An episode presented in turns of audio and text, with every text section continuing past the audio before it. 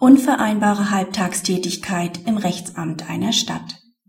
Die Tätigkeit als juristische Mitarbeiterin im Rechtsamt einer Stadt ist mit dem Anwaltsberuf unvereinbar.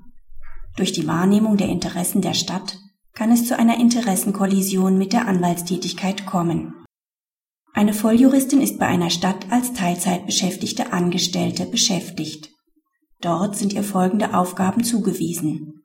Die verwaltungsinterne Rechtsberatung, die rechtliche Beurteilung zu grundsätzlichen Entscheidungen, die Prozessvertretung der Stadt von, vor den Gerichten, die Mitwirkung bei der Gestaltung von Verträgen und Abgabe von Willenserklärungen, die außergerichtliche Bearbeitung von Konflikten zwischen Fachämtern sowie die Referendar- und Praktikantenausbildung.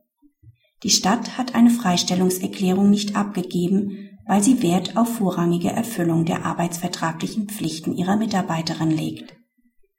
Die Kammer hatte den Zulassungsantrag der Volljuristin abgelehnt. Ihr Antrag auf gerichtliche Entscheidung ist zurückgewiesen worden.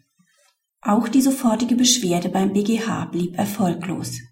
Er entschied, dass eine Tätigkeit als juristische Mitarbeiterin im Rechtsamt einer Stadt mit dem Anwaltsberuf unvereinbar ist.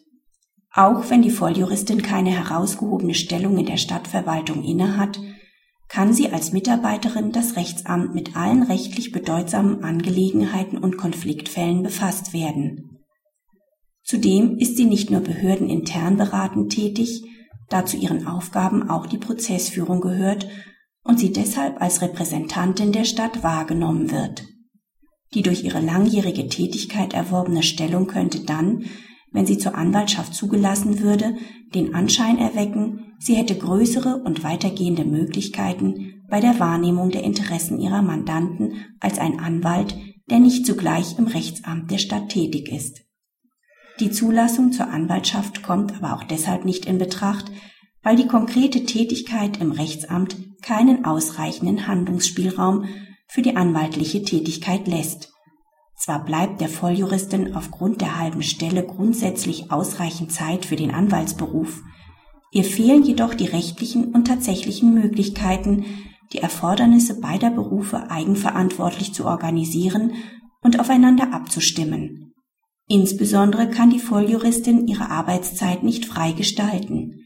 Ebenso wenig kann sie ihre Tätigkeit im Rechtsamt eigenmächtig unterbrechen, um Anwaltstätigkeiten nachzugehen.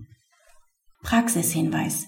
Der BGH hatte bereits entschieden, dass die Tätigkeit als angestellter Leiter des Personal, des Haupt-, des Ordnungs-, des Standes oder des Bauamts einer Gemeinde mit dem Anwaltsberuf unvereinbar ist